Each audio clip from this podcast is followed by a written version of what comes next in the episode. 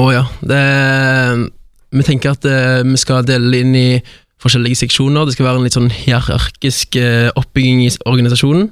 Så nå med det første så søker jo eh, seksjonsledere til å være med i styret mitt. Eh, Vi har eh, finanssjef, revysjef, eh, kultursjef og en velferdssjef som skal sitte med meg. Og så under det så vil det være gjenger da, som har ansvar for subseksjonene. Og sammen så skal vi lage den kuleste festivalen studentene på Sørlandet noen gang har sett, i begge byer.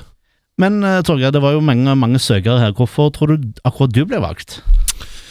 Nei, jeg har uh, sett hvordan uh, UGA har blitt gjort før. Jeg har uh, jobba tett opp mot UGA, og har sett at det er litt uforløst potensial, rett og slett. Og jeg har lyst til å Når jeg fikk høre at denne uh, organisasjonen skal bygges opp fra bunnen av nå, og gjøres litt mer eh, uten uh, støttehjul fra sida og sånt, så tenkte jeg at dette er en utmerket mulighet for meg til å virkelig prøve meg på dette her. Du har et eh, drøyt år eh, på deg. eh, Kommer du til å bruke tida godt? Åh, det er veldig nervøs for det, men eh, det, jeg tror det. det. Det kommer til å gå smooth.